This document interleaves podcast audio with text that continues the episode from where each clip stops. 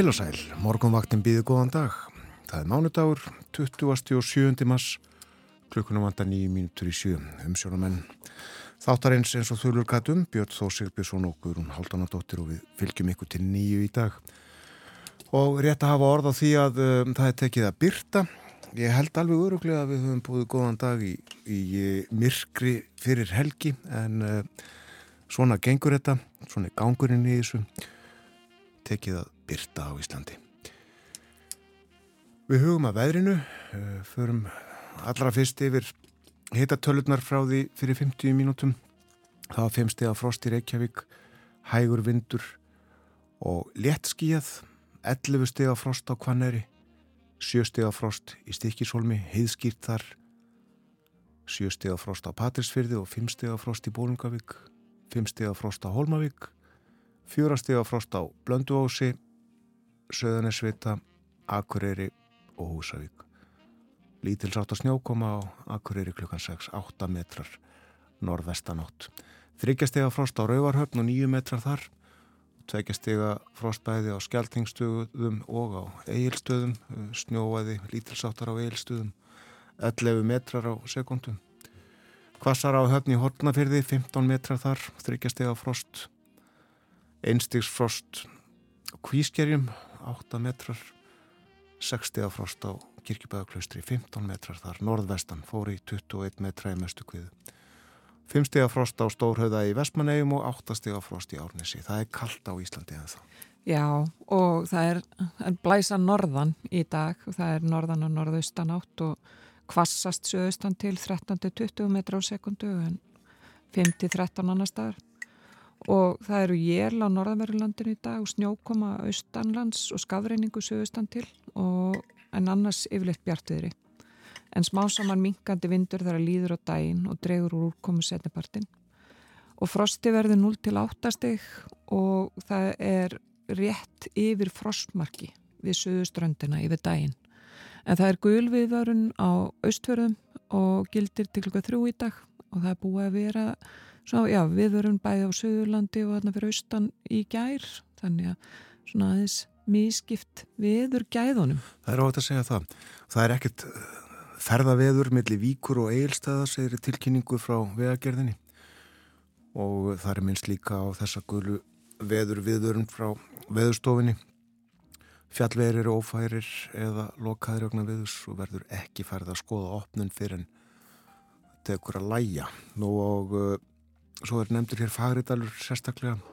Þá að skoða þar uh, stöðuna taka hana um miðandag. Og Norrfjörðagöng eru lókuð og það að beðni lögreglu og almannavarna. Mikil snjóflóða hætta þar við uh, eitt flóð þegar fallið. Nú uh, aðeins að öðru eldur kom upp í Víkurskóla í Reykjavík í nótt og tókum tvær klökkustundir að ráða niðurlugum hans og uh, það er í verkarhing lauruglu að komast að elds upptökum hefur fréttastofa Ríkis útarsins eftir Stefáni Kristinsinni var stjóra hjá slökkuliðinu og uh, það var einhver eða einhverjir sem að fóru um borgarlandið í gerðkvöldi og kvektu sínu elda. Og uh, vísir uh, rétti líka við Stefán Varstjóra sem sagði það var einhver vittlesingur að kveika sínu elda. Það er í síðumúla og mörkinni og við sprengisand Þetta er ekki gott, þetta er, þetta er líka bara kannski aldrei nýtt fyrir okkur, þetta byrjaði þegar að kvikna í hann í heimörkinni fyrir nokkrum árum að við séum að upplefa kjarrælda á Íslandi að voru til, svona snemma að voru til. Akkurat. Nú við höfum uh, drukkið svolítið kaffi, sem er kannski á þriða botla eitthvað svolítið. Lustum hér á uh, söngum kaffi, uh, svart kaffi.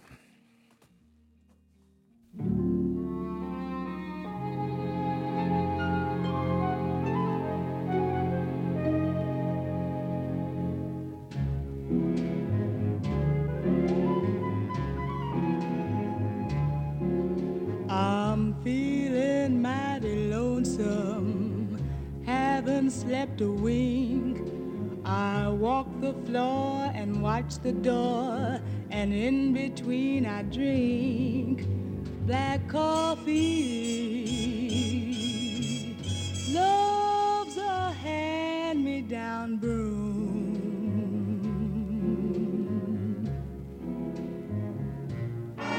I'll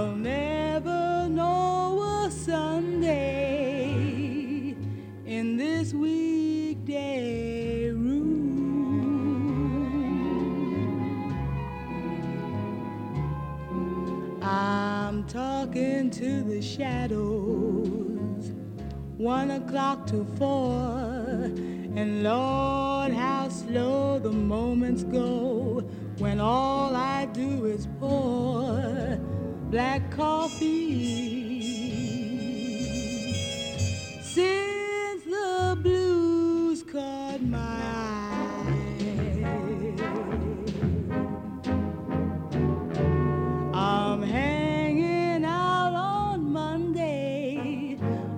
Sunday dreams to dry.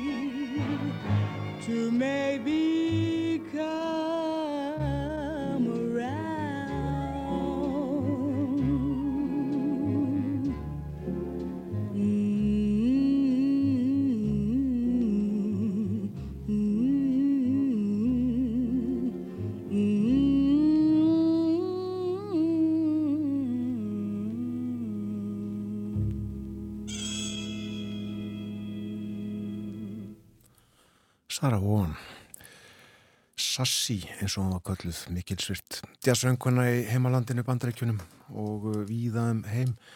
Hún fættist á þessum degi fyrir 99 árum. Fættist 27. mars 1924 dest 1990 Black Coffee hétt þetta lag. Það er ekki slæmt að byrja dagi með einum kaffi með henni. Akkurat. Það er frétti framöndan kom á slæginu sjö eftir þær fyrir við ítalega yfir dagskrá morgumvaktarinnar þennan morgunin Lítum í blöð, innlend og erlend, ný og gömul og legum við þetta tónlist líka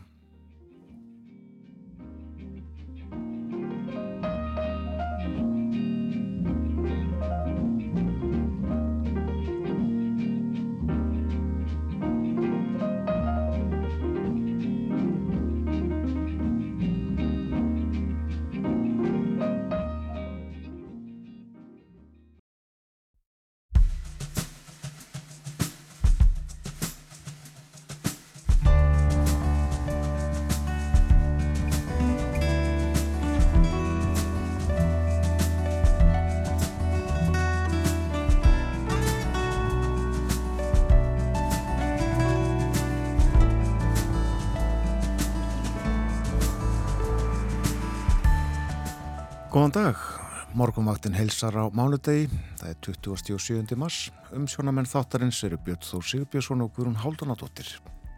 Við lifum lengur og viljum mörg vinna lengur en rannsóknir bendelt til þess að aldurinn vinna ekkert með okkur.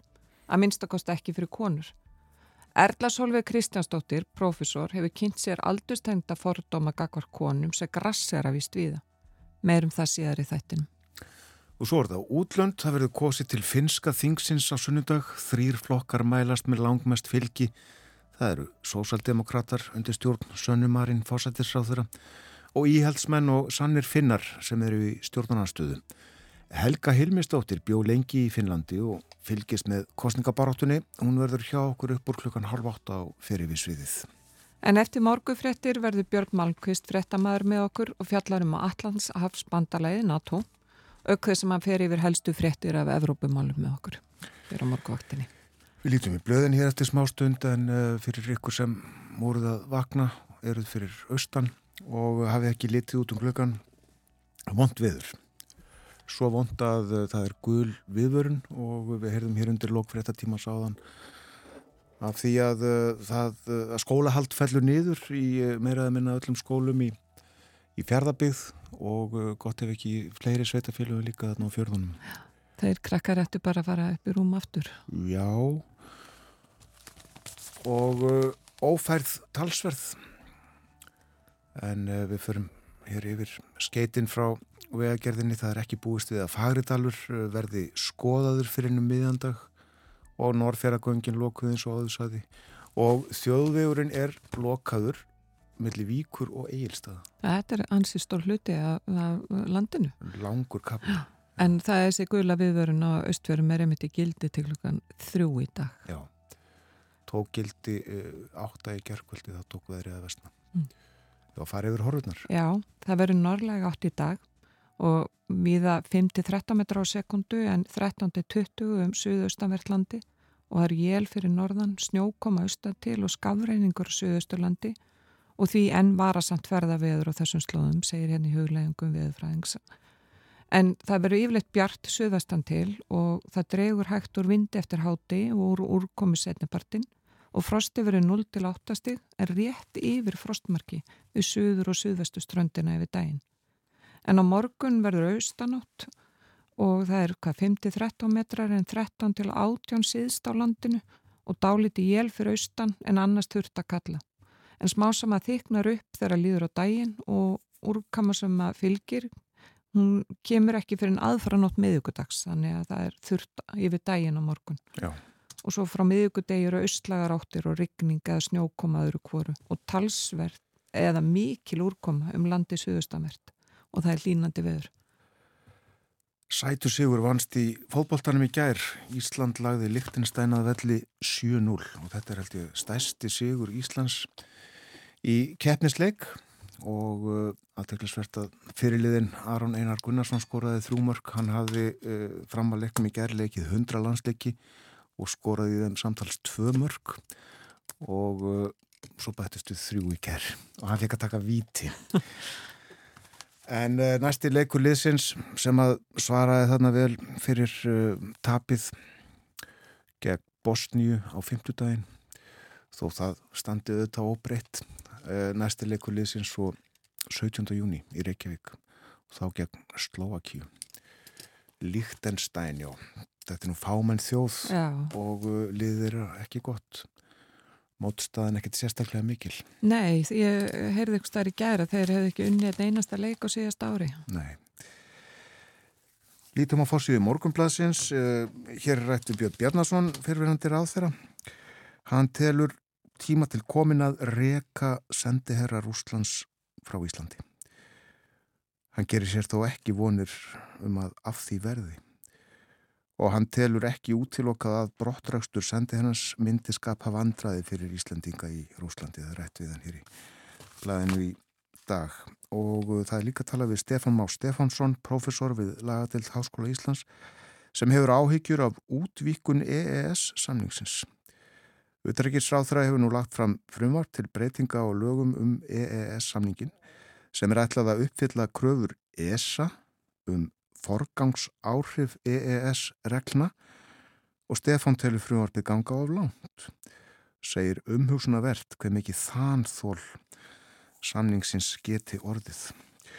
Farði yfir þetta falli mynd líka á fórsíðu morgunbladsins sem að Hafþór Reyðarsson tók og á henni má sjá hross við höfðagerði sand og uh, þetta er sem sagt á tjörnisinu og uh, sést þarna út til Lundeir líka með sína snjóhúfu eins og segir hér í texta. Það verður allan að vera mjög bjart og fallegt þarna þegar þessi mynd er tekinn. Mjög falleg mynd, já. Og þetta segja það. Uh, lítum í elendublöðin, uh, gerum það á eftir við öllum að halda okkur hér við Ísland fyrstum sinn.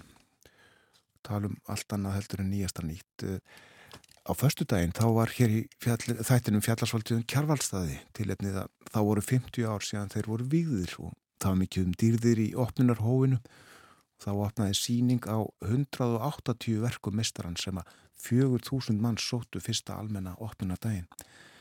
Þegar kjærvalstæðir voru reistir þá stóðu þeir á Miklatúni. Í dag heitir túnið hins vegar Klambratún. Alveg eins og það gerði til 1964 þegar samþýtt var í borgaráði að nefna það Miklatún. Klambratún þótt ekki nógu fínt. Ég held reyndar að túnið hafi aldrei heitið Klambratún samkvæmt formlegri ákvörðun. Það gekk undir því nafni sem var dreyða bænum klömbrum sem þar stóð. Og það er svo sent sem 1959, eh, fimm árum fyrir ákvörðun borgarífivalda nefna túnið Miklatún sem Klambratún sést fyrst á prenti.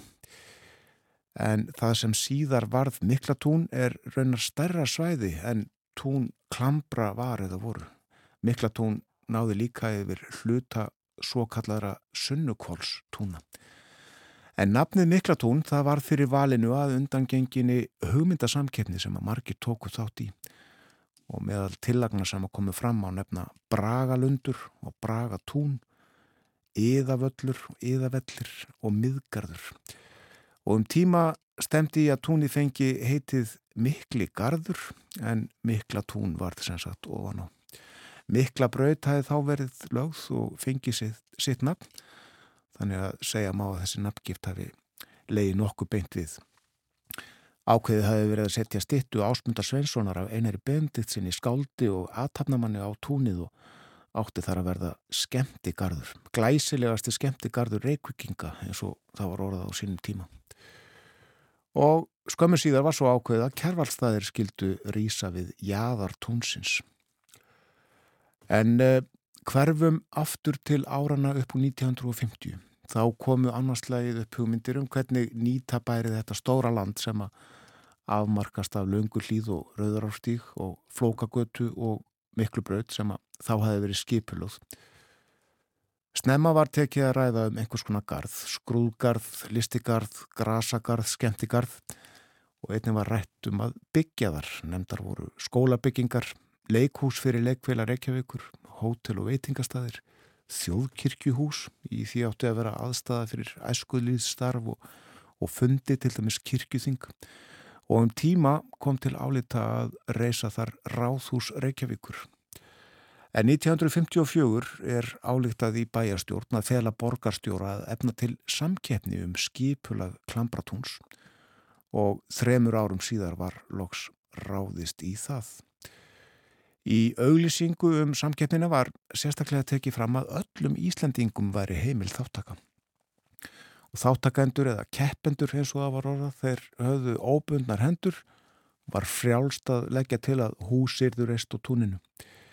Í domnefnd voru tveir bæjarfulltrúar, skiplagstjóri borgarinnar og tveir arkitektar.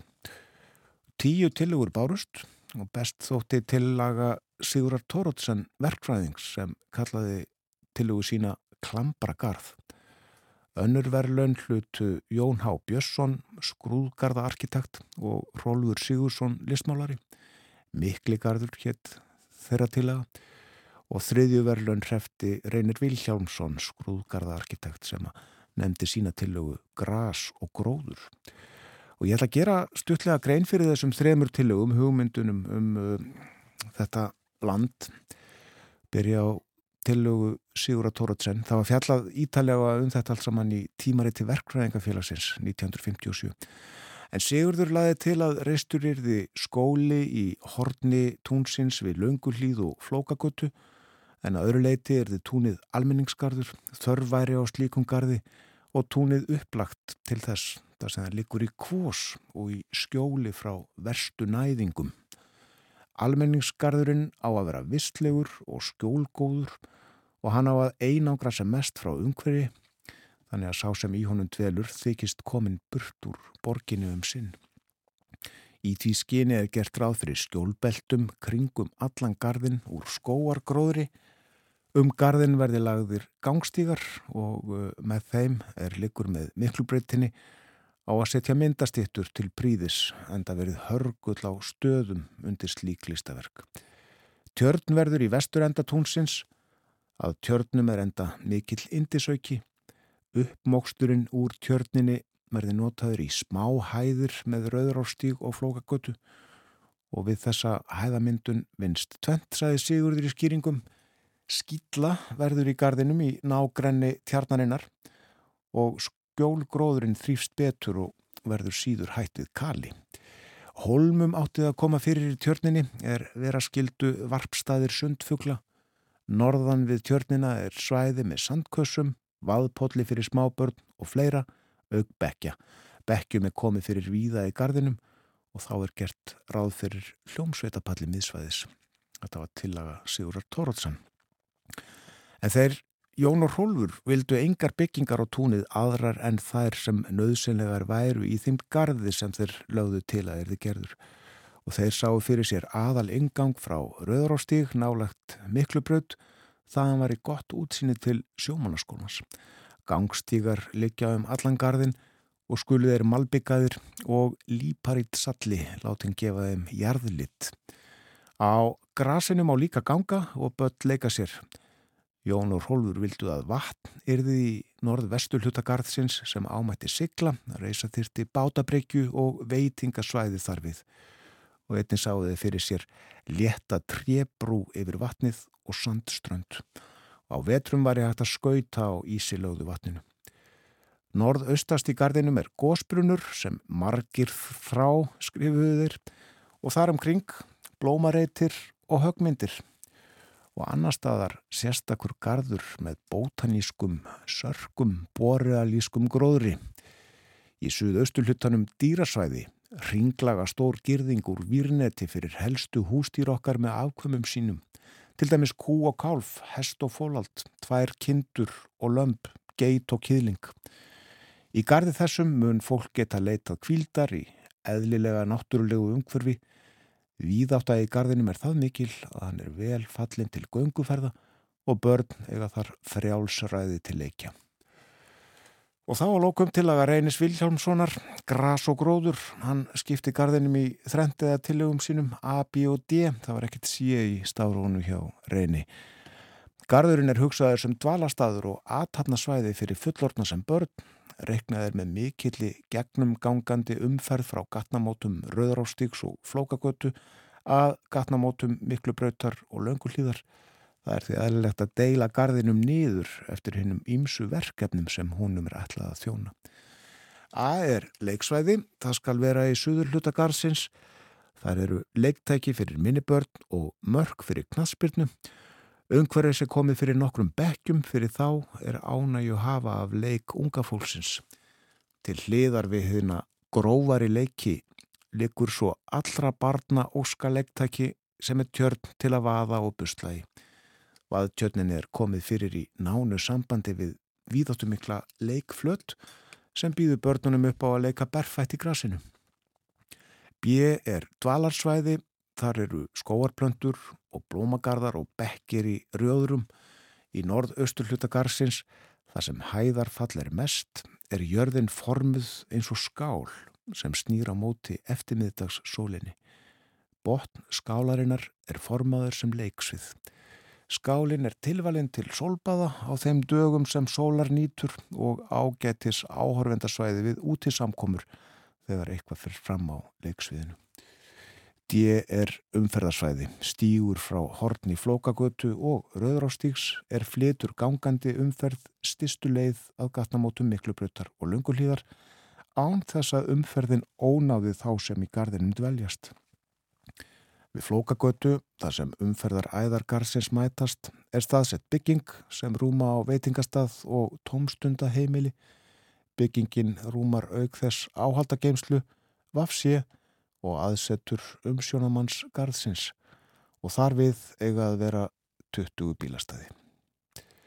Svona voru sem sagt þrjár bestu tillögurnar í hugmyndasanketni borgarir valdaðum skipula Klambratúns 1957. En sjö árum síðar var ákveðið að reysa kjærvalstaði og um svipa leiti var nafninu breytti Miklatún og Miklatún hétta til 2010 þegar borgaráð fjælst á tillögu Jónsgnar borgarstjóra að taka upp Klambratún. Og fyrir átta árum var svo stittan af einari ben sem áður var nefnt flutt að höfða hvar einar bjójó um skeið. Já, og hústýragarðurinn er inn í lögadal, ekki á Klambratúni. Hmm. Gaman að rifja upp gambarar hugmyndir Akkurat. tilugur. Setjum þá á fónin lag uh, Karl Olgersson sandi lag um uh, Klambratúnið og uh, það heitir Norður mýrar megin við Klambratún.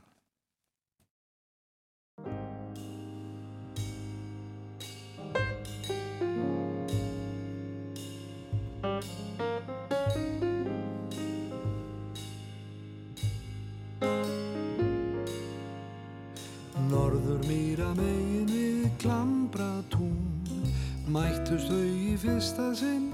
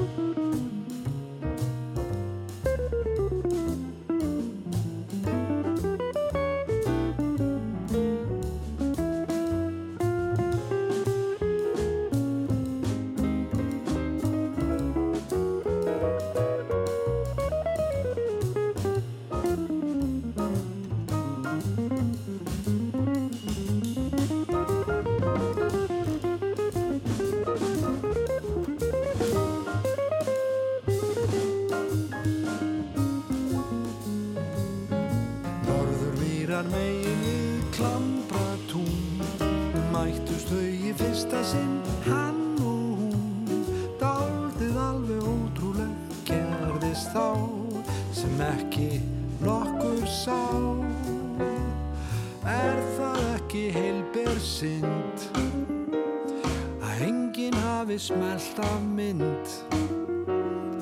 Þennan bjarta dagur við klambratún við rauður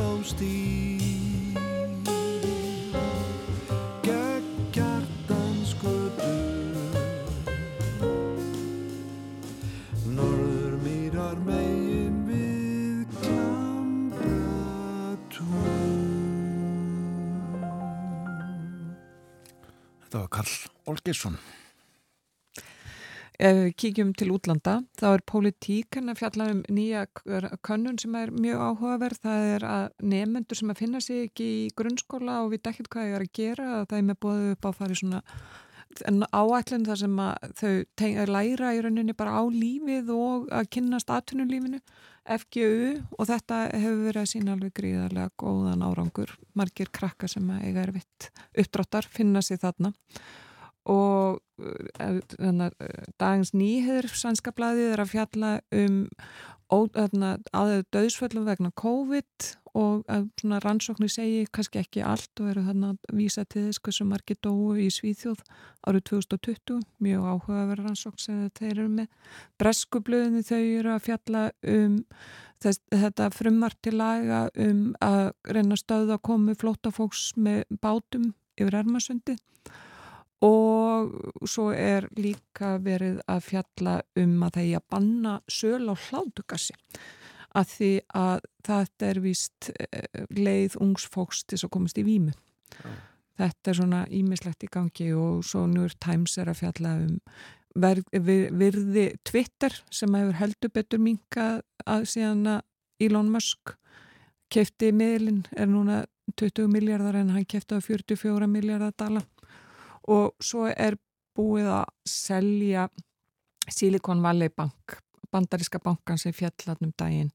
Og það er keppinautur hans First Citizens Bank sér sem er að kaupa þetta er svona það helsta frá útlöndum þennan morgunin En það helsta einanlands að uh, þjóðvöðurinn milli víkur og eilstaða er lokaður. Og uh, ég sé líka að uh, þverjarfjallið er lokað ófært þar, það er unniða mókstri. Það er þingfundur í dag og uh, geta þess að uh, það verður sérstök umræða um loftslagsskatta Európusambansins á millilandaflug. Það er uh, Bergþór Ólafsson sem er málsefjandi og auðverkisráð þeirra til ansvara. Við rættu þetta málsvalitið í spjalli með Binni Malkvist í Brussel síðustu mánundasmórna og uh, þetta sem sagt til umfjöllunar í sérstakri umræðu á alþengi í dag. Nú hér eftir fréttaeflitið þá ætlum við að tala um finsk stjórnmál, þá er kosið í Finnlandi á sunnudaginn. Helga Helmistóttir, starfsmáður árnastofnar verður með okkur. Björn Málkvist á sínum stað eftir fréttinnar klukkan 8, talar frá Brussel og uh, svo er það þessir aldursfordómar sem við ætlum að fjallum millir hálf nýju og nýju. Já, hún ætlar að koma til okkar, hún er Erla Solveig Kristjánsdóttir, professor í viðskiptafræði Háskóla Íslands og, og segja okkur aðeins frá aldurstengdu fordómu gagvar konum að vinnumarkaði. Það er ekkert grín að verða 50 pluss. Hún er að rannsaka þetta? Já, hún er að hefja rannsókna á þessu og er búin að skoða þessi mál vel undafarin misseri. Erla Solveig með okkur á eftir.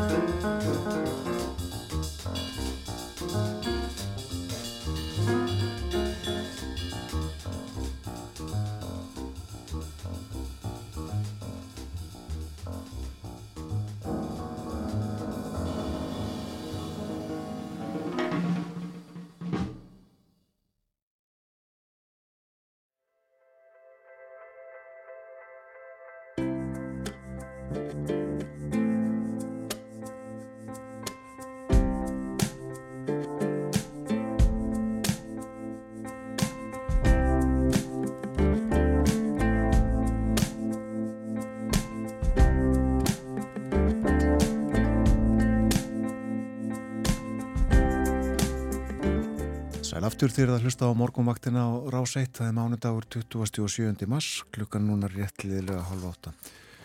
Já, snjóflóð fjalli norðfyrði í nótt, vestan leiðigarða við urðarteg segir í tilkynningu frá fjörðarbygð, fór yfir strandgötu og í sjófram, það er verið að rýma eitt hús og verið líka að meta aðstæður annar staðar í þjættbílinu og víðar og íbúar norðfjörðar eru kvartið til að halda kyrru fyrir heima hljemegin í húsum býða frekari upplýsingar.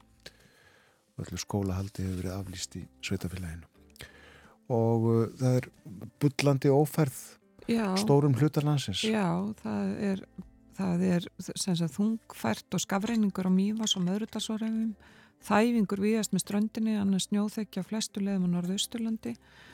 Og fyrir austan þá er færidalur ófær og það er ekki búiðst við að hann verði skoðaður fyrir ennum miðjan dag. Nei. Norrferðagöngin alltaf lokuða benni lörglu út af snjóflóðunum.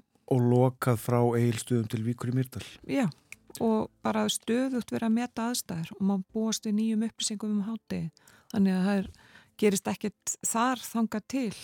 Og svo er líka fyrir norðan óvissustig á Siglufjörðavegi og Ólasfjörðamúla vegna snjóflóða þetta. Og þeirrar fjallið ófært. Já. Og veðurspáin, hvernig er hungurum?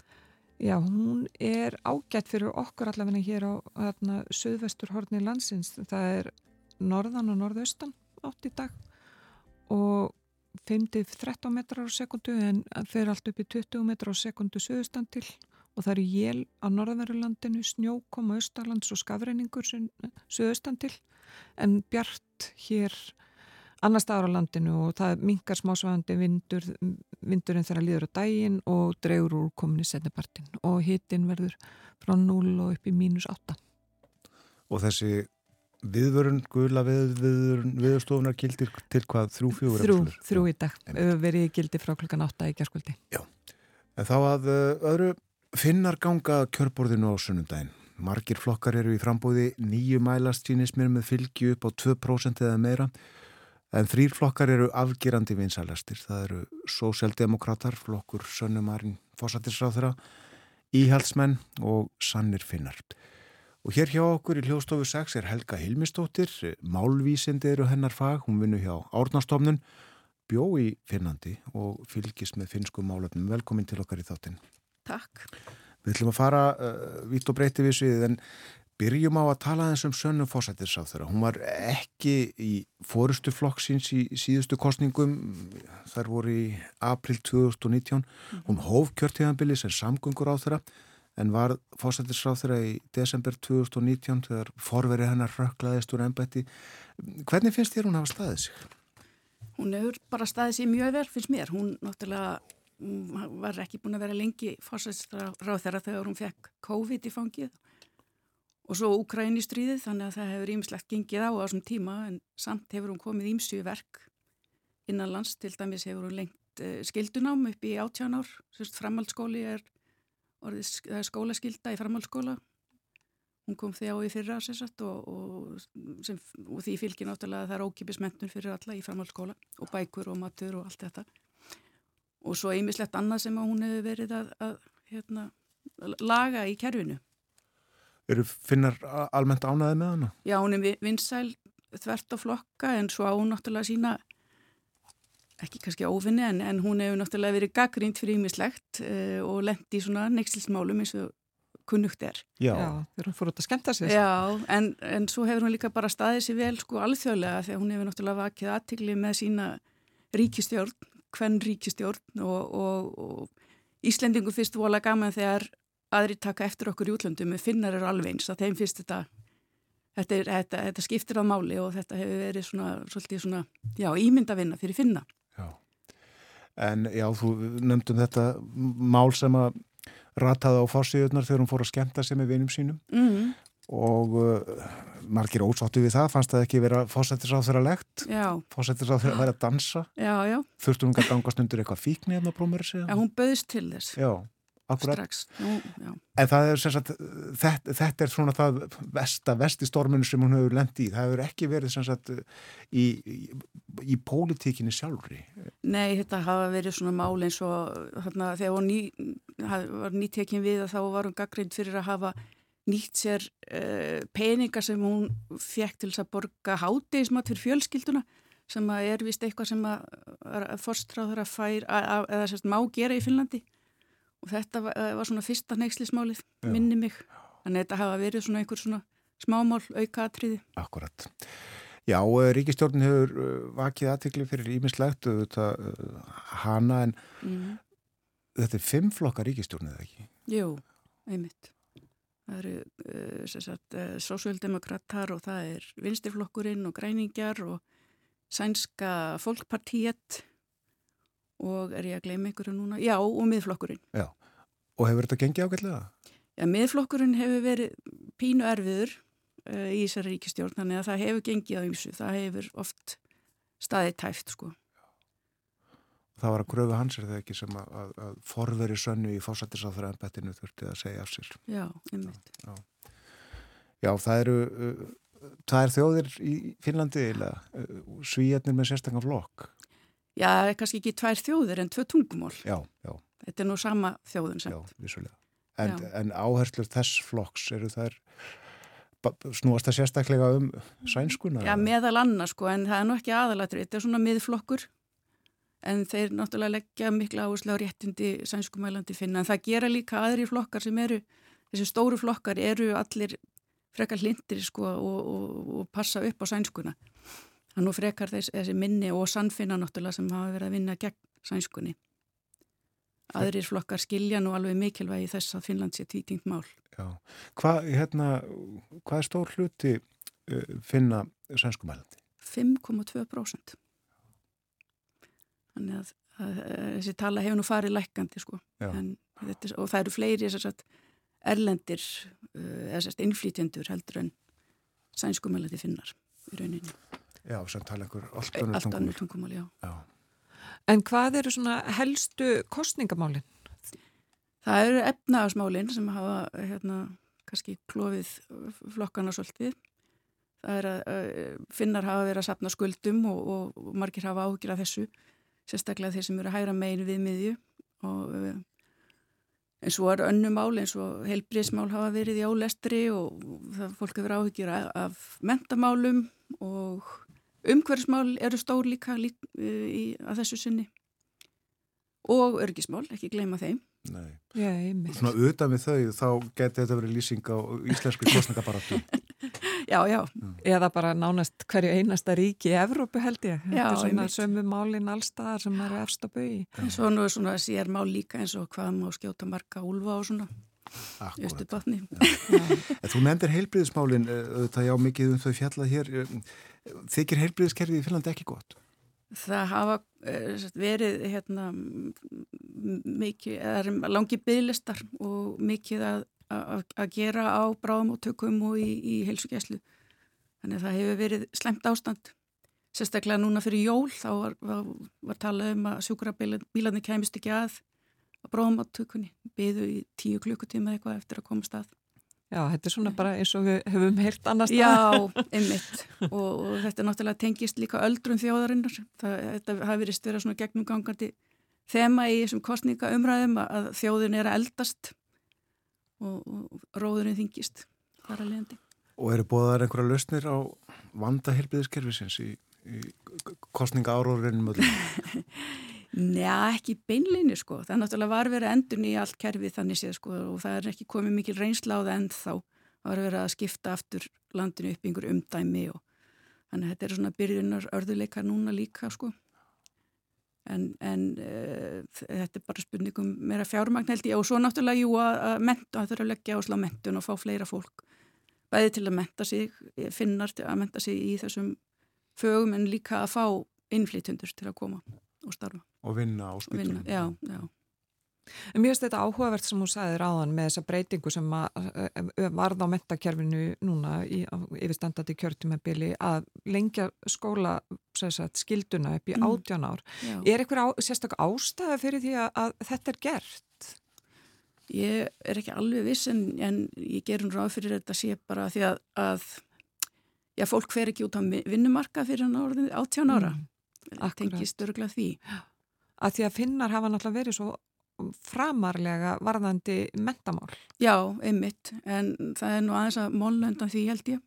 Það hafa verið, er, eru umræður um vandamál í grunnskólum og svona, það er að bekkirnir orðinu svo stórir og það er skortur á kennurum og, og uh, já, þannig að það þarf ímislegt að, að það þarf að laga til það líka sko. Akkurat. Já, það vantar uh, kennara líka. Já, einmitt.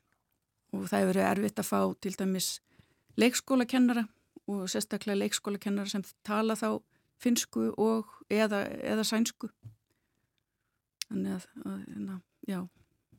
aftur getur þú verið að lýsa íslenskum veruleika? Já, reyndar er sko, eru bygglistarnir inn í, í leikskóla ekki uh, alveg á sama stað þar og hér. Já, já. Eh, þú nefndir efnaðasmálinn líka á þann. Eh, já, já eh, hafa þér þurft að skuldsetja ríkisjóð? Já, mér skilst þetta sé nú reyndar ekki mikið í svona eurósku samhengi en, en, en í sérstaklega íhaldsmenn og sannfinnar hafa, eða íhaldsmenn sérstaklega hafa áhugir af þessu og hafa sagt að þeir vilja ekki fara í, í ríkistjórn með flokkum sem vilja ekki spara. Já. Og, og þetta eru, sagt, þetta eru þrýr flokkar er það ekki sem eru svona stærstu flokkarnir? Jú, einmitt. Og það verður ekki hægt að mynda ríkistjórn nema að, að tveir þeirra fari saman í ríkistjórn. Þannig það er eins og við nefndum, uh, sósaldemokrater, uh, flokkur sönnu og Já. svo íhaldsmenn og Já. sanni finnar. Já það er nú, held ég alveg augljóst að íhaldsmenn muni fara í ríkistjórn en svo er spurning hérna, hvaða flokk þeir taka með sér það er spurning hver vinnur kostningan það er sá sem að fær um, það fær umbóði fyrst og, og fær þá að prófa að mynda ríkistjórn Já. og Sanna er búin að segja að hún vilja ekki mynda ríkistjórn með sann sönnum finnum en íhaldsmenn hafa ekki uh, út til okkar neitt þannig að, að þeir eins og, eins og svona horfir við núna getur bæði hugsað sér að vinna með eh, sönnu eða sönnum.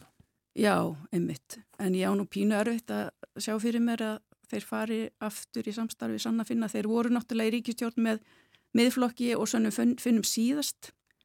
Og þá var flokkurinn mun svona mildari. Sannir finnar, þá var tím og sóini uh, ráð þeirra hjá þeim, eða sérst, uh, flokksformaður. Hann uh, hætti í sönnum finnum og við tók svona aðeins harðari stefna gegn útlendingum til dæmis. Að, að Og þetta er flokku með 20% fylgi? Já, og sérstaklega vinsall meðal ungsfólks sem komir svolítið óvart. Hver er skýringin á því? Já, það er erfitt að segja. Þeir eru, hérna, þeir eru náttúrulega að vilja leggja niður skildu eh, námi í sænsku, það getur nú höfða til sumra sko uh, og svo er, þeir eru vist á, á, á TikTok og er að kynna flokkin fyrir ungu fólki og þeir hafa lengi verið vinsælir meðal ungs fólks í rauninni. Og það er alltaf svona skuggakostning, barnarskuggakostning í Finnlandi og þeir eru alltaf stæsti flokkurinn þar. Það er aðeinsvært. Mm. Og þeir eru í, í þokkalega góðu sambandi eða það ekki við uh, svona sænskan sýsturflokksinn, Svíþjóðar demokratana? Já, einmitt. Hann, Jimmy Åkesson kom til Helsingi í síðustu viku og var að spjalla við uh, Sanna Finna og kenna þeim hvernig maður er að komast í já, komast í valda. Já, akkurat. Ráðleggja þeim. Já. Og er þetta sama hvar sem er í Finnlandi? Ég meina, eru vinsaldir sanna finna miklar allstæðar í, í Helsingi og þá í, í, út á landi? Það er, eh, það er smá munur á þessu. Ég man ekki alveg hvernig þetta dreifist en á sögum svæðum er þeir nú vinsalli en annar staðar. Sko. Og hvernig eru tengsl, eða hvernig svona horfa þeir til dæmis til nágranna í Rúslandi? Það náttúrulega eru allir á sama máli núna held ég. Þetta er, e, e, það var kannski öður, aðeins öðruvísi áður fyrir en, en nú vil náttúrulega enginn vinna með rúsum eins og staðinir í dag. Nei. Og fyrstu nefnum það að, að þá er náttúrulega reysastórt mál í Finnlandi aðildin að allarsasbandalæginu sem að stefnir í að geta því að veruleika innan einhverja mánuða mögulega. Já. Er einhugur um þetta í Finnlandi?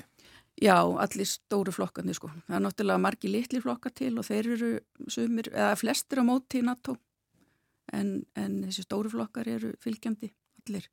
Það breytist náttúrulega á einnu nóttu. Það voru, e, e, sósjaldemokrater voru ekki fylgjandi NATO fyrir þessa árás. Já, þetta er í rauninni daldi svipað og bara í Svíþjóð. Já. Afstæðan til NATO, hann náttúrulega breytist bara þarna í februar í fyrra. Þetta var mikið áfall fyrir finna. Já.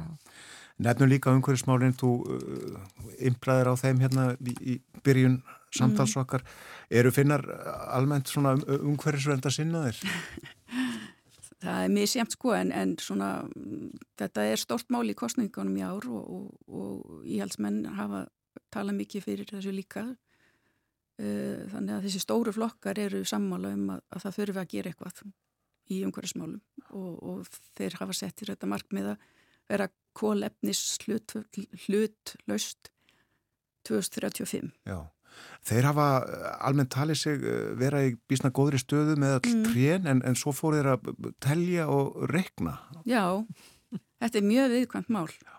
Segðu hlustundu frá því að Já, það, það kom í ljós að, að kólefnisbindingin er ekki eins mikil eins og þau heldu að því að það var gerð einhver rannsókn og kom í ljós að það er verið að högfa á mikið og trén fá að standa of stutt og, og það þarf að gera eitthvað í þessum málum. Það þarf að vernda gamla skóga og svo þarf eitthvað að takmarka þetta skóarhögg og þetta er náttúrulega enga eigu margt að þessu. Þannig að þetta er, og þetta er byggðamál. Það eru margar litla byðir sem að náttúrulega þetta er helsti, þeirra helsti atvinniðugur, þannig að það þorir eiginlega engin að tala um þetta.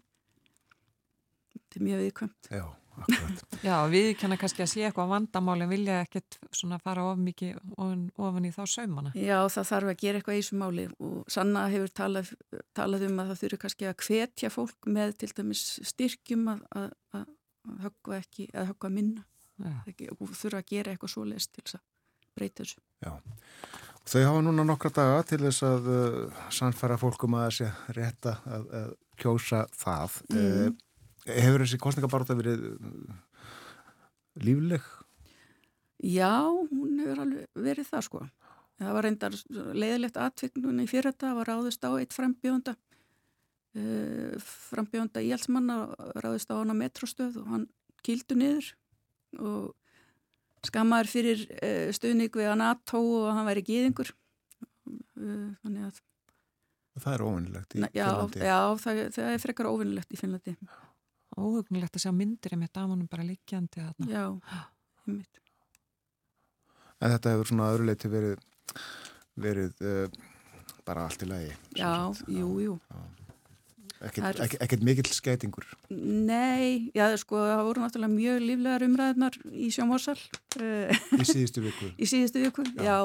Fólk hefur náttúrulega áhugir af framtíðinu og, og þeir sem stiðja sönnu og ríkistjórn hennar, þeim, sko, þeir, þeir hafa náttúrulega áhugir af því að sannfinnar komist í valda með íhaldsmunum og, og það geti orðið erfitt. Já. Við fylgjumst með þessu kosi á, á uh, sunnundaginn og við förum með niðurstöðunar hér í þættinum eftir viku. Uh, er mikill áhuga á pólitíki í Finnlandi og kostninga það tökka góð? Njá, hún er svona, sko það sem hún er minnstir, hún er allt nýri 50-60% eins og álandi en svo fer hún upp í næstu því 80%. Já, ok. Einmitt. Mikill munur. Já, mikill munur eftir landslutum. Já, Helga, þú valdi fyrir okkur lag til þess að leika að, að spjalli okkar loknu mm. og komst hér með plötu með miklu mistara sem er feikilega vinsætli í heimalandinu. Segð okkur aðeins frá honum. Já, í Karjalænin. Hann er uh, uh, búin að vera lengi að og, og, og uh, er mjög vinsætli í Finnlandi og þetta lag hefur, er það lag sem hefur verið oftast spilað á frálsum útvarstöðum frá bara 1980 til 2020 og þetta er sérstaklega henn sem þýðir hann eða hún. Hann eða hún? Já, finska er, það er ekkit málfæraðilegt kyn í finsku. Þannig að, að, að það er sama fornafnið fyrir alla. Já, alltaf heyri maður eitthvað nýtt. Við þurfum að fá þið til að koma til okkar og ræða þau mál sérstaklega. Já. Finskuna. En kæra þakki fyrir að vera með okkur í dag og tala svolítið um stjórnmálinn og uh, þessa kostningabortu Helga Ilmistóttir. Mín var ánæginn.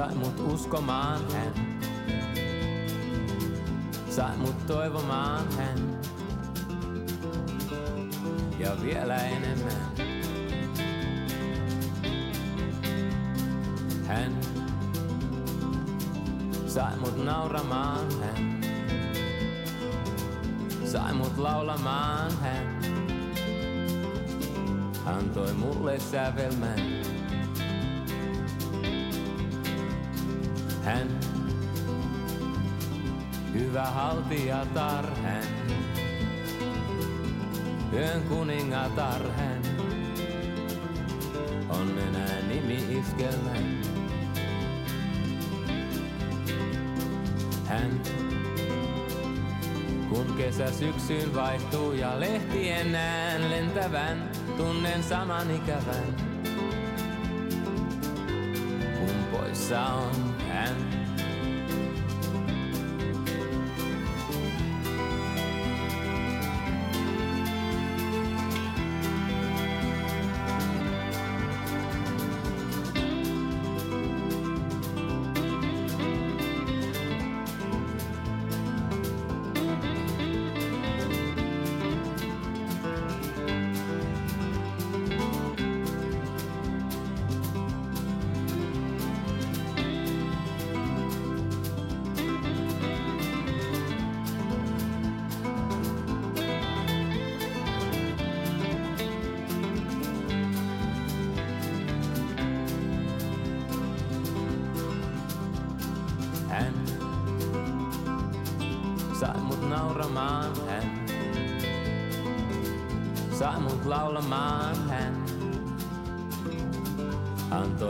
sävelmän. Hän taas kitarani viritän. Ja kuulen tutun helinän.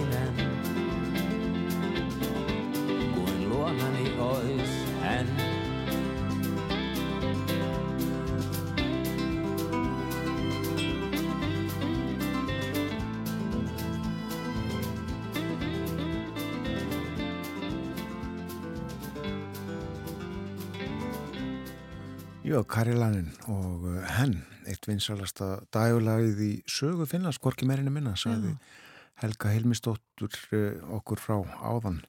Hann var hér að- hún. Já, var hér að tala um uh, stjórnmálinn í Finnlandi að vera kosiðar eftir sex daga. En það eru frettir framöndan á, hjá okkur á morgunvaktinni og við fáum þá að heyra það nýjasta úr Norrfyrði, þar sem að snjóflóð fjallinótt eins og við nefndum hér áðan. En uh, eftir fréttitar þá voru Björn Malkvist með okkur uh, með tíðindi úr Európu, uh, fjöldum meðal annars um Atlasarspandalagið og svo eru það aldursfordómannir milli hálf nýju og nýju. Já, Erla Solveig Kristjánsdóttir, profesor við viðskiptafræði Delta Háskóla Íslands, allar að segja okkur aðeins frá því hér og eftir.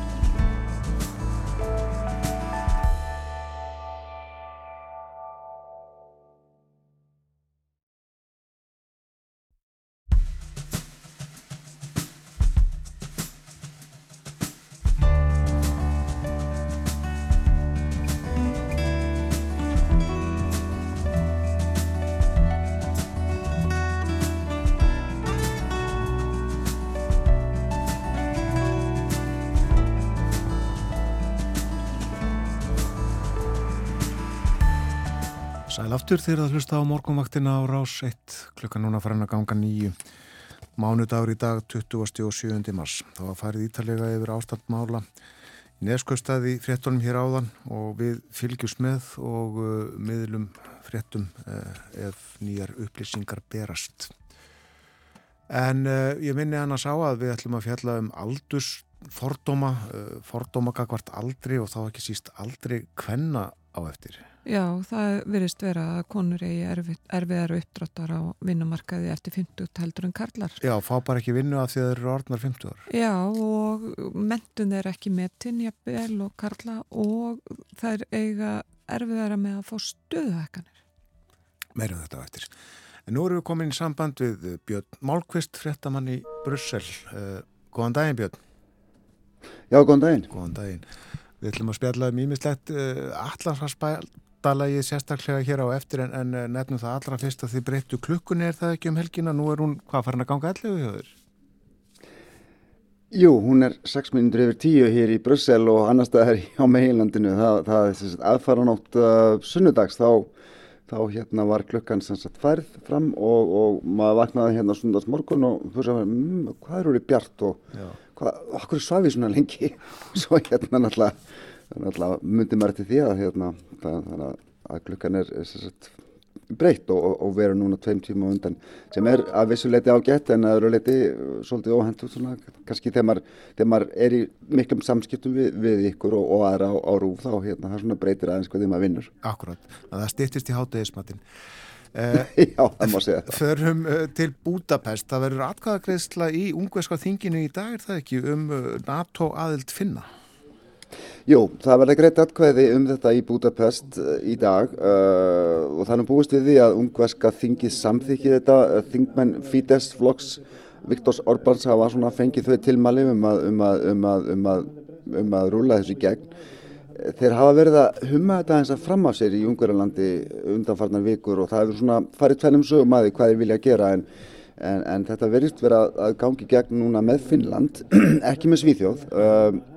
Það sem ég heyrði hérna í, í Brussel í síðustu viku var að sko Orban hefði sagt, þeir rettu saman sérst Kristersson, Úlf Kristersson, fórsettisáður að Svíþjóðar og, og, og Viktor Orban hér á letuafundi sem var hér í, síðustu viku og, og Kristersson sagði að Orban hefði sagt sér að, að það lægi nú ekkert á því að afgreða svíja vegna þess að, að sko Tyrkland veri ætti eftir að, að gera það sem, sem er kannski önnursaga sem er komin á eftir Já. en, en, en sérst, ástæðan fyrir því að þeir hafi verið að humma fram af sér þessa atkvæðagreyslu með Finnland er mögulega að sko ungverjar hafa verið að svona skapa sér einhverja stöðu kakvart Európusambandinu og þeir, þaðan vilja þeir fá fjármunni til endurbyggingar eftir COVID sem hafi ekki verið sendir til ungverjarlands út af aðtöðasendum, ESB, ja, spillingu og svona heilsufar svona réttakerfisins í ungverjarlandi, það kannski er auðvitað að segja nákvæmlega til um þetta en Ég held líka að ungverjar hafi heldur ekkert glemt í þegar finnar og svíjar voru fyrir nokkrum árum að gaggrina stjórnvöldi í Budapest einmitt fyrir þetta heilsufar, þess að réttagerfisins réttindi samkynnir og annara og svona þannig mál sem að, sem að kannski svona fóru svolítið í töðunar á ungverji. Já, einmitt. Við fylgjumst með þessu. Uh, svo herðu við fráttum hér áðan af, uh, af uh, verkvöldum fyrirhugðum í Þýskalandi. Já og, og bara byrjuð, þau byrjuðu minnætti í, sagt, núna í nótt og, og, og það eru sérst tvö stór verkefælisfélag verdi annars vegar sem að, sem að dekkar starfsfólki í þjónustugerunum og EFG sem er félag sem sagt, starfsfólk sem, sem vinnur hjá jáblutum og sangöngu fyrirtækjum aðalega í almanægum þau sem sagt leggja niður störfi í sólarring, þetta eru 350.000 manns sem er í verkvalli, þetta er stærsta verkvalli í Þýskalandi í enn 30 ár og þetta beinist að lestaferðum um langa veg, uh, hérna strætóferðum, uh, þjónust á flugvöllum. Þetta byrjaði semst á meðnætti í gerkvöld og stendur í allan dag og fram á næstu nótt. Og, og, og, og þetta uh, það maður búast við og er náttúrulega komin nú þegar mikil röskuna og samgöngum. Bara sem dæmi má nefna að í, í hérna Berlín sko þá eru engar sagt, svæðislestar. Og S-banin sem að margir þekkja nú sem að rúlar í kringum Berlín hann er stopp en, en, en metróin er eh, neðanjörlastinn inn í borginni er ekki eh, sérst, eh, hún, hún rúlar eðlulega en, en er þetta er, er langvarandi vinnudela sem hefur verið í gangi og, og verkefælisfélagin horfa á sko hækkandi verðlag, verðbólgu og vilja fá í kringum 10% launahækkun. Yfirvöld á að bóði 5 Uh, prósent, þannig að það, er, það var ákveðið að fara í verkvall til þess að, að minna á þetta og, og svo þetta er svona skyndi-verkvall, svona, svona 24 tíma verkvall. Um, ég, ég veit ekki með framaldi, ég held að það sé nú ekki búið ákveða með framaldið en, en, en það er svona, þetta er, þetta er dagurinn í, í Þýskalandi í dag, samgöngu erfileikar. Við þurfum að senda þeim Ástráð Haraldsson. Mögulega. er búist við að, að það verði einmitt eitthvað framald á þessu? Já, það er bara engin leið að segja til um það held ég. ég sko, það, eru, sko, það hafi verið samningavirðar í gangi undanfarnar vikur og mánuði. Uh, þetta var gert til þess að knýja fram uh, bara meiri viðræður og náttúrulega fylgi eftir kröfum sem þessi stóru verkefælisfélag uh, hafa sett fram. Þau hafa greinilega ekki fengið það sem við vildu, þess að gripuðu til þessa ráðs. Um, það verður bara að sjá til með framhaldi. Ég, vei, ég hef ekki upplýsingar um hver næstu skrif verða. Um, en ef við kannski beinum sjónum að Fraklandi þá það, heldur það áfram og, og verður held ég á, morgun uh, hef ég heyrt af verkvöldum sem hafa verið bóðið í, í Fraklandi og svona þessar mótmælaðagjari sem sem hafa gengið yfir borgir og bæi í Fraklandi að undaförnu. Já, og það er eftirlunumálunum. Já. Við ætlum að tala um allarsvarsbandalaði hér eftir smástund fyrst aðeins að, að bílvélum það hefur verið deilt, verið deilt harkalega innan Europasambansins uh, milli aðeldaríkjana um bílvélar hvernig það er að vera í framtíðinni?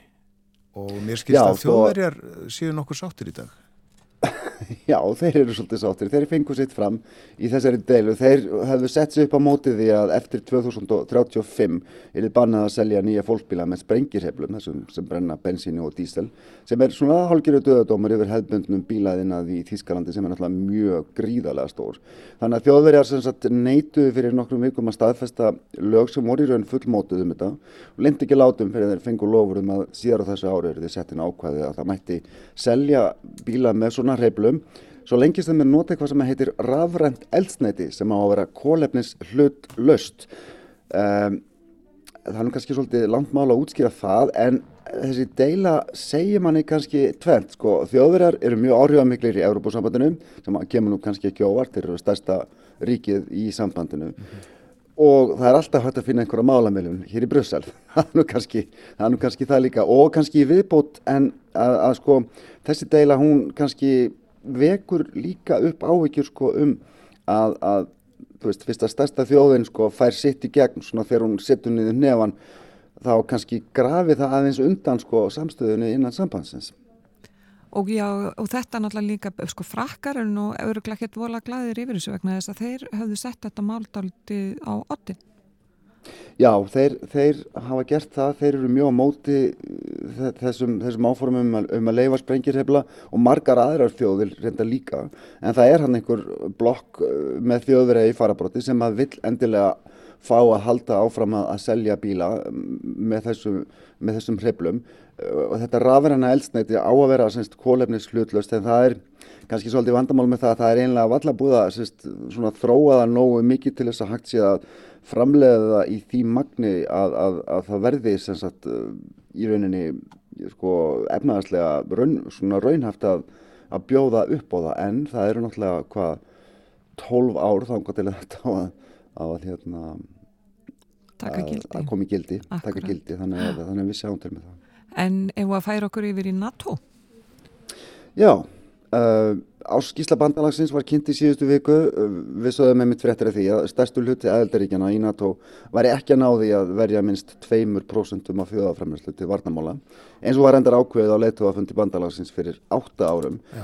Uh, á síðast ári voru það bara sjö ríkina NATO sem er náðu þessu marki, þar meðal bandaríkin Breitland, Póland, Greikland og Baltnesku ríkin þrjú, Eistland, Lettland og Litáan sem kannski kemur ekki á að maður lítur á landakortið og söguna og Stoltenberg, frangandastjóri NATO, hann sæði síðustu viku að þetta er tekið fyrir á leituafundi NATO í Litáin í sumar og það verði meiri pressa sett á aðaldaríki til að mæta þessu, við, þessu viðmiði. Hins vegar þá hafa það líka bent á að, að framlögu í það heila innan NATO til varnamála jökust yfir um 2% frá 2021 og það er áallega að þessi útgjöld sé upp á ríflega 1000 miljardar dollara ekki byggja með að áætla hvað það er í íslenskum krónum. Nei. En Ísland leggur ekki 2% til varnamála af sinni þjóðaframlöðslu? Nei, nei, það gerum við ekki. Uh, það gerum við ekki, nei. En bandarækjamenn, þeir eru þarna fremstir í flokki?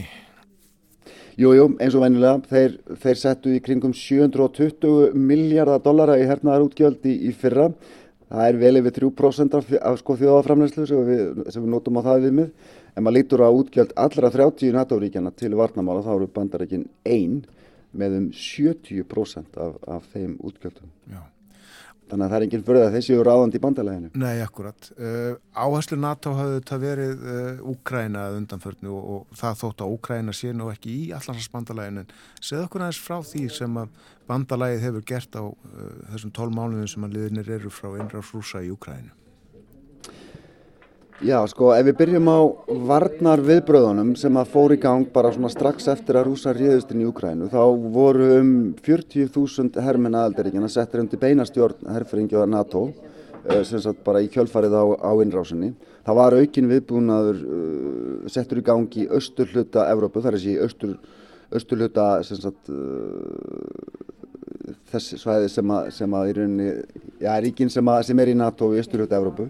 Til dæmis voru franskar hessveitir til, sendar til Rúmeníu. Það var fjölgað í helliði NATO sem hefur verið staðsett til dæmis í Baltnesku ríkinum síðan 2017 og, og svo fjölgun heldur áfram. Bretar eru til dæmis að bæta í, í, í, í Íslandi og þjóðverjar og kandamenn uh, í Lettlandi og Litáan. Uh, það var í gangi sagt, plan hjá NATO frá 2016 um að styðja við Úkrænu hér. Það plan var sett í gangi kjölfar þess að rússar náttúrulega lögðu undir sig krímskagan og stöttu aðskilnaða sinna í östulhuta Úkrænu. Þetta gerist náttúrulega 2014 og eftir innrásina í februari fyrra þá var bætt hressilega í þennan pakka og núna hafa bandalagsríkinn samtals lagt um 65 miljardar evra í hernaðaraðstóð til Úkrænu. NATO tekur þátt í að undirbúa sendingu skotfaraðanga sem að Evrópussambandið samþýtti á leituafundi í síðustu viku og einstak ríki eru líka á fullu að senda vopn, skrittreika og jafnvel orustu þóttur sem pólverjar hafa ákveðið að gera náttúrulega. En það er nú ekki fullkomin eining um það? Nei, sko það er einmitt það sem hefur komið svolítið í ljós þegar, þegar, þegar talið hefur borist að, að sko, þungum vopnum eins og skrittreikum Þjóðverjar drógun og lappinir eins svona mjög lengi með sína hleparða skriðdrega eða leopard skriðdrega sem eru svona taldir þeir bestu sem eru í, í bóði. Ekki aðeins sagt, að senda skriðdrega frá Þísklandi heldur líka að leifa öðrum ríkjum sem eiga svona drega -hmm. að, að senda þá. Allt þetta leiti svolítið í ljós að það eru skipta skoðanir til dæmis um hvað, hvernig rúsa myndu tólka sendingar á ákveðnum opnum sem að sem einhvers konar stegmögnun sem að verðist nú reyndar ekki á orðið allavega ekki til þessa. Og það verður líka að hafa í huga að NATO tekur ekki beinan þátt í hernaðinum en það eins og þú bentir á áðan þá er Úkræna ekki hluti af NATO. Og NATO forðast reyndar að gera, að gera nokkuð sem að gefi, tilefni til þess, að, til þess að segja það. Þetta, þetta segir okkur líka hvað bandarækjumenn er í raun ráðandi afl í bandalæginu á marga vegu Til dæmis þjóðverjar neituðu að gera nokkuð með skrítaríkana fyrir að bandaríkinn voru búin að samþykja að ríða á vaðið og senda hvað, einhverja rúla 30 Abrams skrítaríka frá bandaríkjunum til, til Úkrænum. Akkurat. Við vorum að tala áðan um aðild Svíþjóðar og Finnlands aðildar umsokk þeirra NATO og hvaða líkur eru á að bæ, bæði ríkin komist inn á þessu ári? Á þessu ári? Það, sko, það var náttúrulega held ég draumur sko leitua NATO og mjög margra leitua aðaldaríkjana að, að Svíþjóð og Finnland myndu fá fulla aðvild sko fyrir leitua fundin í Vilnius sem verður í júni í sumar. Þetta var náttúrulega, það var tekinn pólitísk ákvörðun í Madrid á leitua fundunum í Madrid í fyrra um, um, um að bjóða þeim semst, uh, yngöngu og þau eru náttúrulega, og þau hafa stöðu núna semst, umsóknar ríkja og taka mjög virkan þátt í öllu starfi innan NATO og, og það hefur endur aukist mjög mikið. Hvort þeir komast inn í ár Finnland á næstu mánuðum myndi ég svona giska á, ég meina ungverjar greiðum að um atkvæði í dag, mm -hmm. það er vantalega staðfest Tyrkir líklegast á, næst, á, á næstu mánuðum það er erfiðar að segja með Svíþjóð og það fer svolítið eftir því hverju verið niðurstaðan í kostningunum í Tyrklandi í mæ umsókn Svíja er orðin að kostningamáli þar sem að Erdogan, núverandi fórseti nýtir sér óspart og ef hann sigrar þá er erfitt að segja hvað gerist, Tyrkneska þingi fyrir sumafrí í júli það stendur til að kjósum Finnland fyrir þann tíma en með Svíþjóð það er bara algjörlega óljóst. Akkurat, akkurat.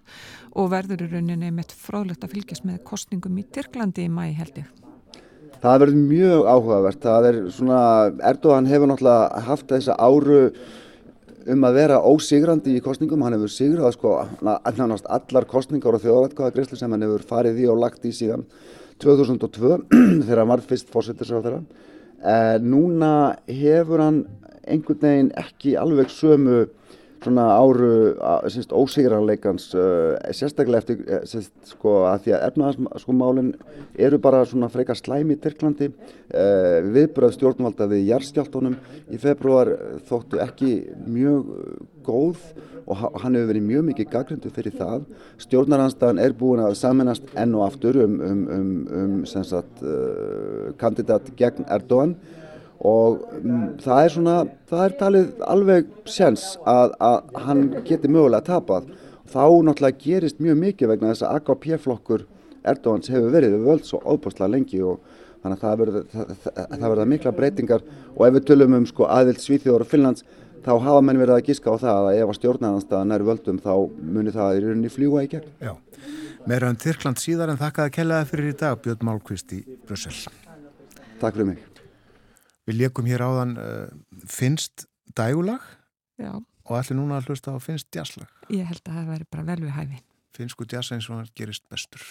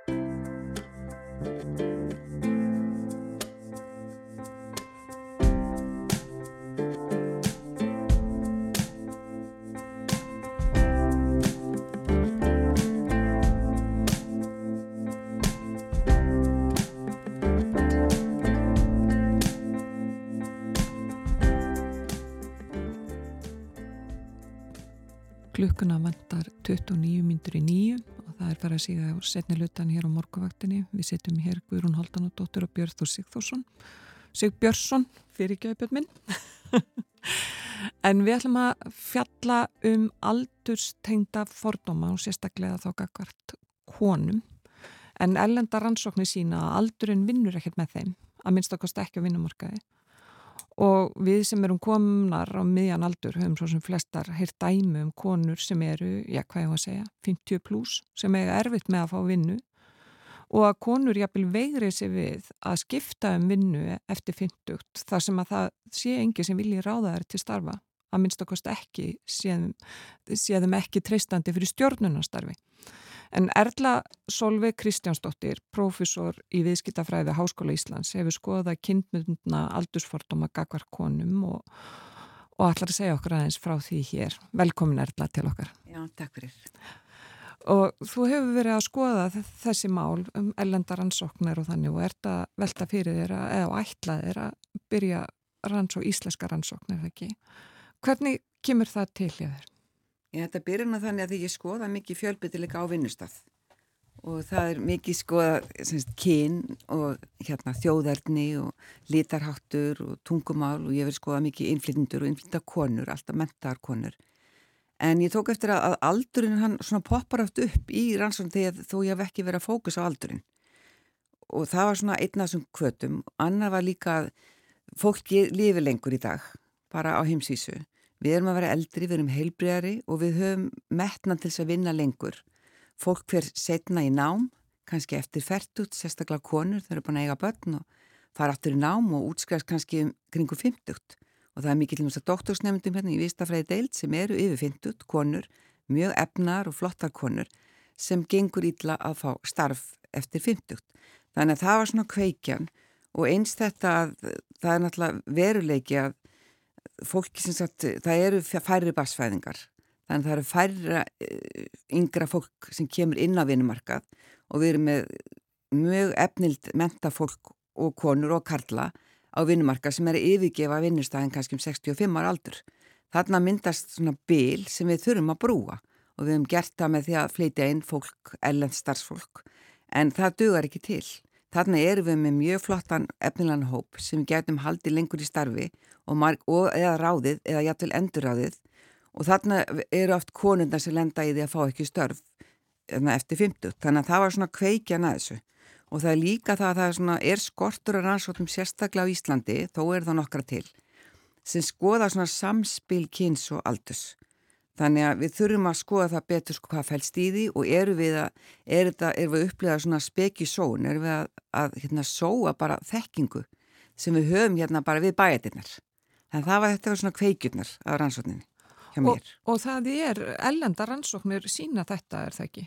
Jú, ellenda rannsóknir sína þetta mjög stert og það er til og með hérna stóra rannsókn sem var gerð af Eurofound 2020 og það sem voru skoðar margskonar hérna, mismuna mismunum á, mismunum á vinnustöðum og þar skoruðu aldursfordama lang hæst, það voru 40-50% af löndum í Evrópu.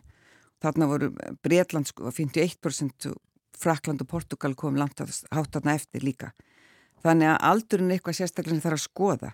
Það, og þá kom yfirlt fram, þegar ég fór að skoða, fór að skoða nána þessar rannsóknir, að þá var það oftast að þetta mismun átti sér stað sko í ráningaferlinu þar sem þeir sem völdu kandidatana sem voru komnir kannski í púlíina og áttu mikla möguleika að fá starfið, kannski voru bara þrýr eftir, að þá var það oft aldurinn sem réði ríkjum og það voru því miður oft konur, þannig að þetta var, vildist vera kynbundið.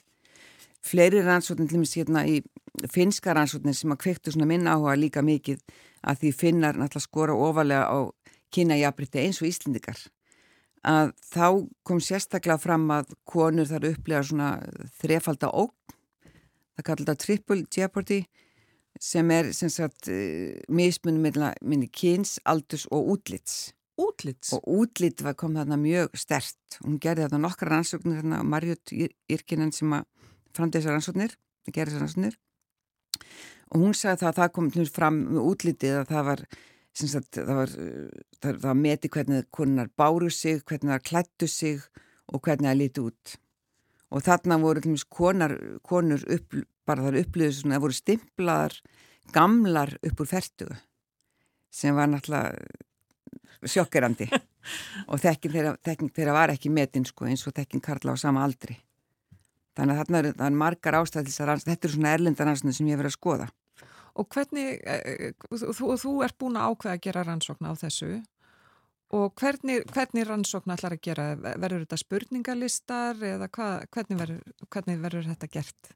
Já, mér langar að taka, byrja að taka viðtöl við konur og þá byrja á, á mentum konur. Ég, ég vildi alltaf skoða menta á konur, mm -hmm. er mentar og konur í stjórnunastörum. Þannig það er svona minn fókus núna. Uh, mér langar að taka viðtöl við konur 50, eld, 50 ára eldri og skoða sérstaklega þessa uh, með kynið og líka alltaf svona auka þekking og skilning á tilvist sko kynbunduna aldursfordóma á íslensku vinnumarkaði. Þetta hefur verið skoðað mikið elendis, en hvernig er þetta hér hjá okkur? Það eru nokkra rannsóknir, það var alltaf skerð einn rannsók 2019 hérna í hérna háskólum Akureyri og þar kom sko upplöði fólk kynbundin aldursfordóm, eh, það var 45% sem upplöði það. Og bæði konur og karlar? Já, þar sko. En konur hafa samt sko þegar að vera að líta á konur sko og framgang fyrir starfi og ég verið að skoða líka konur í stjórnastöðum bæði erlendar og innlendar og konur sem er að vinna sér upp í toppstöður eins og fórsturastöður að þar, þá hefur aldur líka komið upp. Að þær hafa, það er ákveðin síja því ofa sem fara því færri komast upp og þá er aldur nátt og kynið hefur oft verið til fyrirstöðu. Það er það sem þær eru að upplifa og þú ert einmitt að tala um að konur sé að fara að setna í að ganga mentavegin, ljúka doktorsprófi og þannig. Þannig að það er, allt unni fyrir uh, gíg. Þær, fá ekkert vinnu eftir allt þetta nám. Maður vonar þetta sér ekki alveg, al, ég er ekki alhafa að það sé allar konur en þetta er allavega stór hluti og margar konur sem hafa ekki komist í gegn og þær segja að það sé aldurstengt. Og hvað, þú talar um 50, er, er það fyrr sem að konur þá, þú, þú, þær byrja kannski að upplifa þetta kannski 45 eða hvernig er það? Já, þeir segja það upplega sér stimplaða gamlar upp úr færtugu. Það er sko aldurinn svo millir 35 og 40 sem er allt í lægi sko. Fyrir þann tíma þá er það hættan að það er að fara í barsegnir þannig að það er umvöld að ræða þær í einhverja stjórnarstöður. Þannig að það er svona 5 ár sem að kannski má segja að það sé svona safe sko en eftir 45 að þá fer þetta að vera svolítið erfitt. Og það líka, við höfum oft heyrt að karla sem verða gráhærið verða virðulegir en konur, þegar þær sínar svona að aldurinn er að, já, maður breytist með aldurinnum, að þá er það svona frekar hindurinn fyrir konur, því miður en þá. Og hvernig, hvernig upplifa konur þetta eh, sem að hafa tekið þátt til dæmis í ellendur rannsóknum og þessar sem að hafa tekið þátt í rannsóknum hér, hvernig líðan er það að svona upplefa kannski bara að þú sért bara runnin út á tíma. Ég, það, er, það er náttúrulega mjög slemt það var rannsútgerð á konum í Nýjarsjálandi það eru líka mjög framalega hverna jafnletti á vinnustöðum og vinnumarkað. Að þær konur sem voru, það voru hámentarkonur meistargráðu minnst, sumar doktorskráðu sem fóru ellendis þar fóru svona, þar unni oftur í sendir áð margaræðum í aðsum hópi.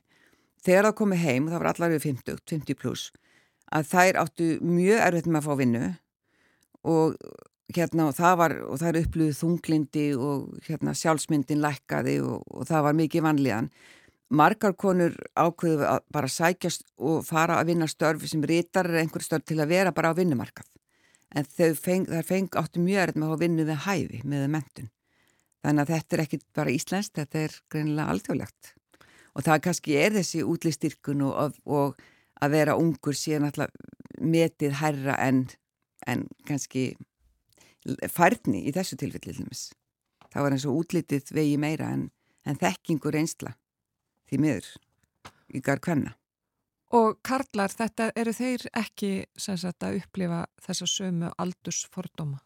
Karlar upplifa þetta líka en það er svona, sagt að sé svona kannski tíu árun setna. Þannig þeir upplifa þetta líka, jú.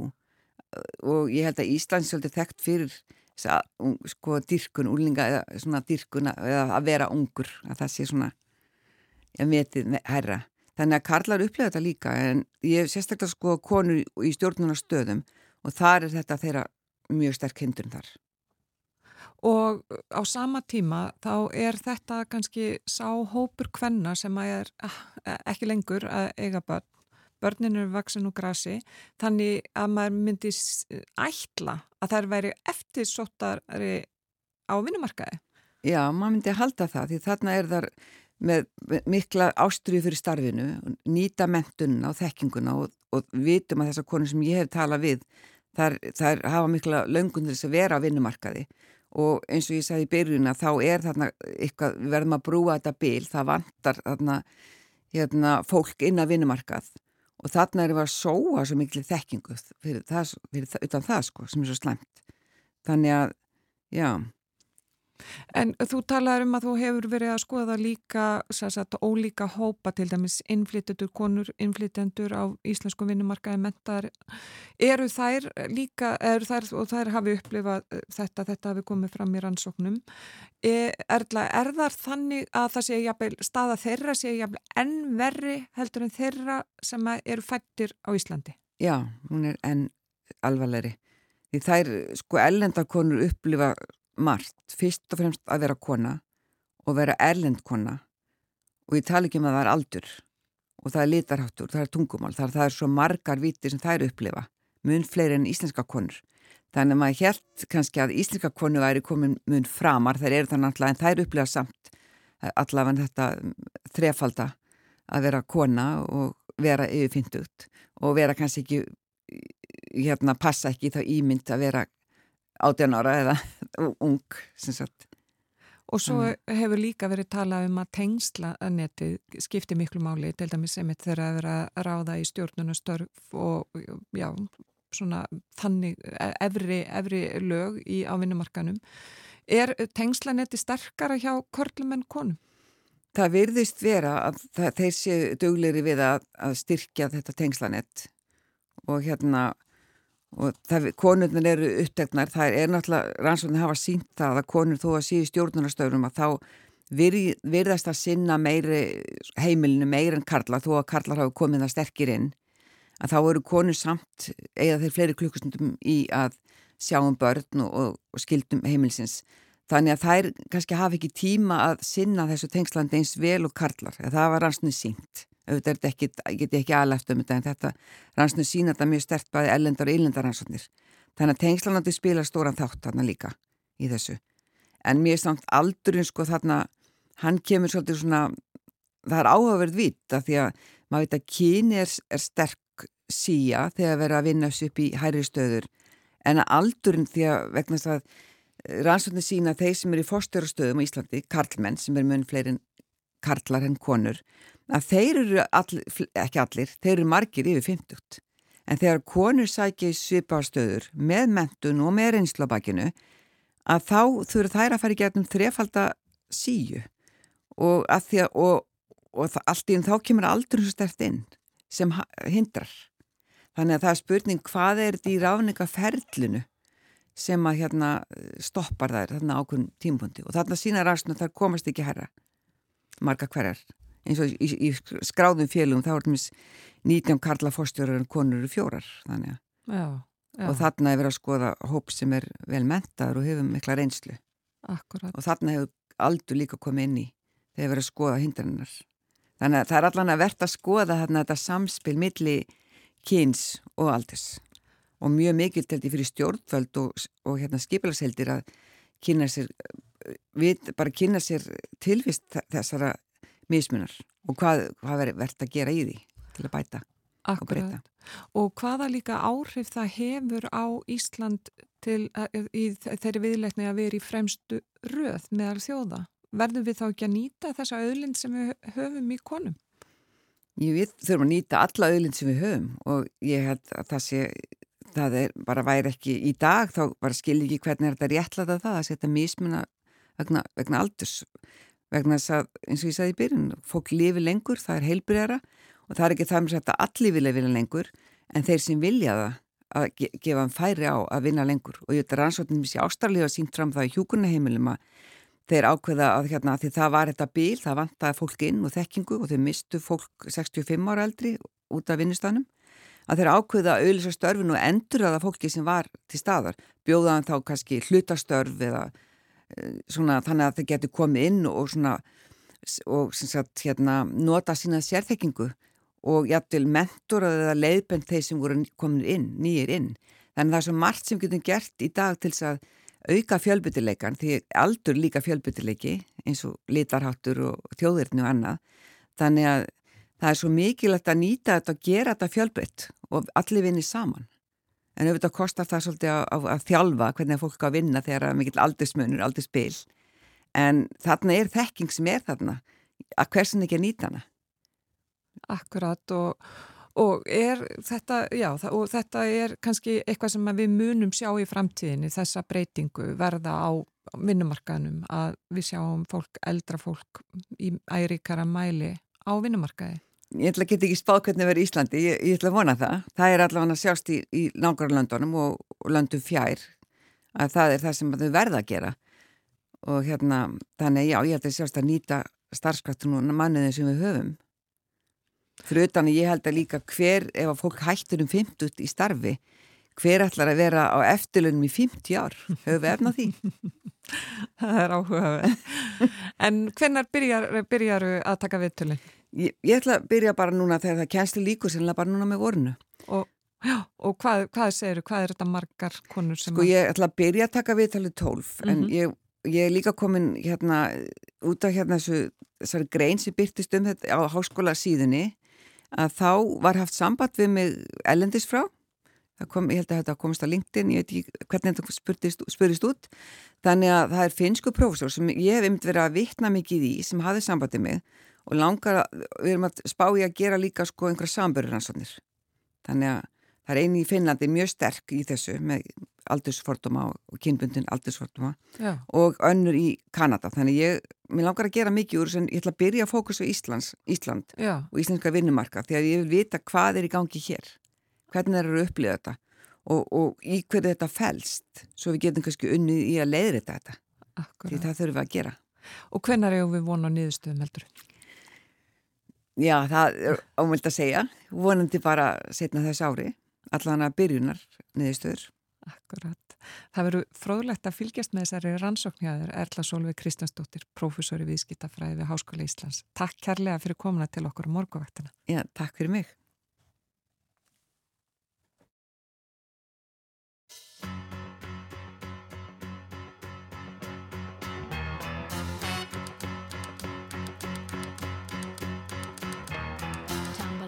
Bed and I stumble to the kitchen, pour myself a cup of ambition and yawn and stretch and try to come to life. Jump in the shower and the blood starts pumping. Out on the streets, the traffic starts jumping with folks like me on the job from nine to five. Working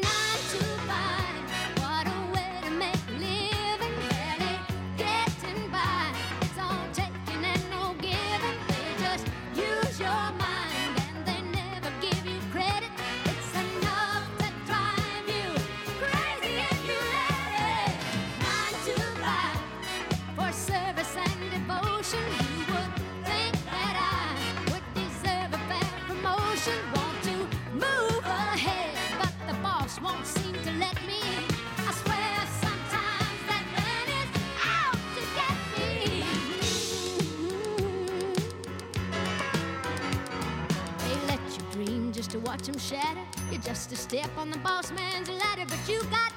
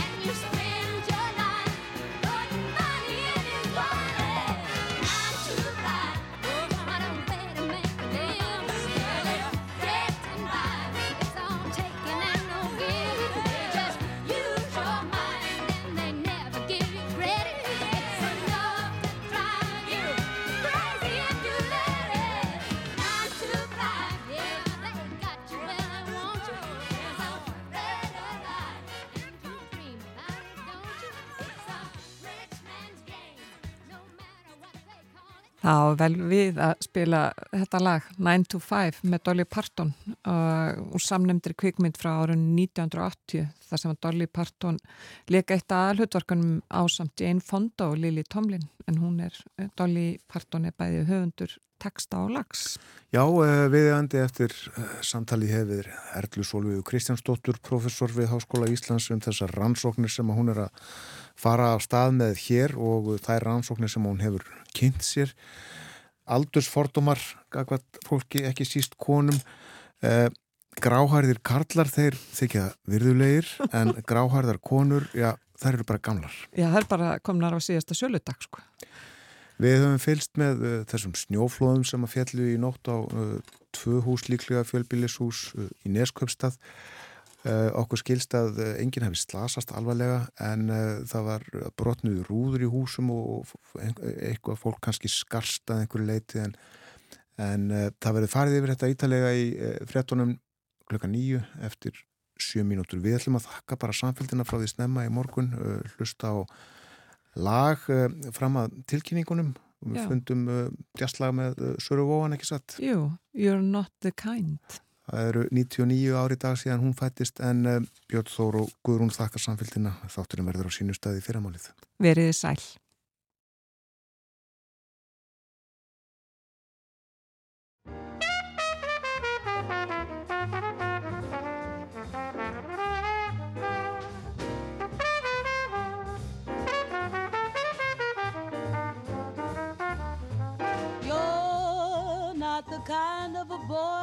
Girl like me.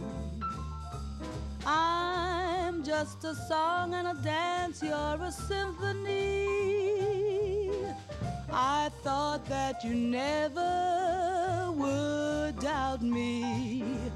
But I'm telling you, you'd be much better off without me. You're just the kind of a boy who would always play fair. I'm just the kind of a girl who would never be fair. It's so hard to let you go, but it's only because I know that you're not the kind of a boy for a girl like me.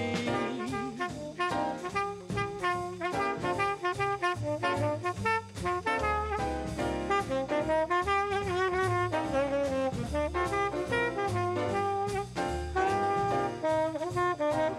Thank you.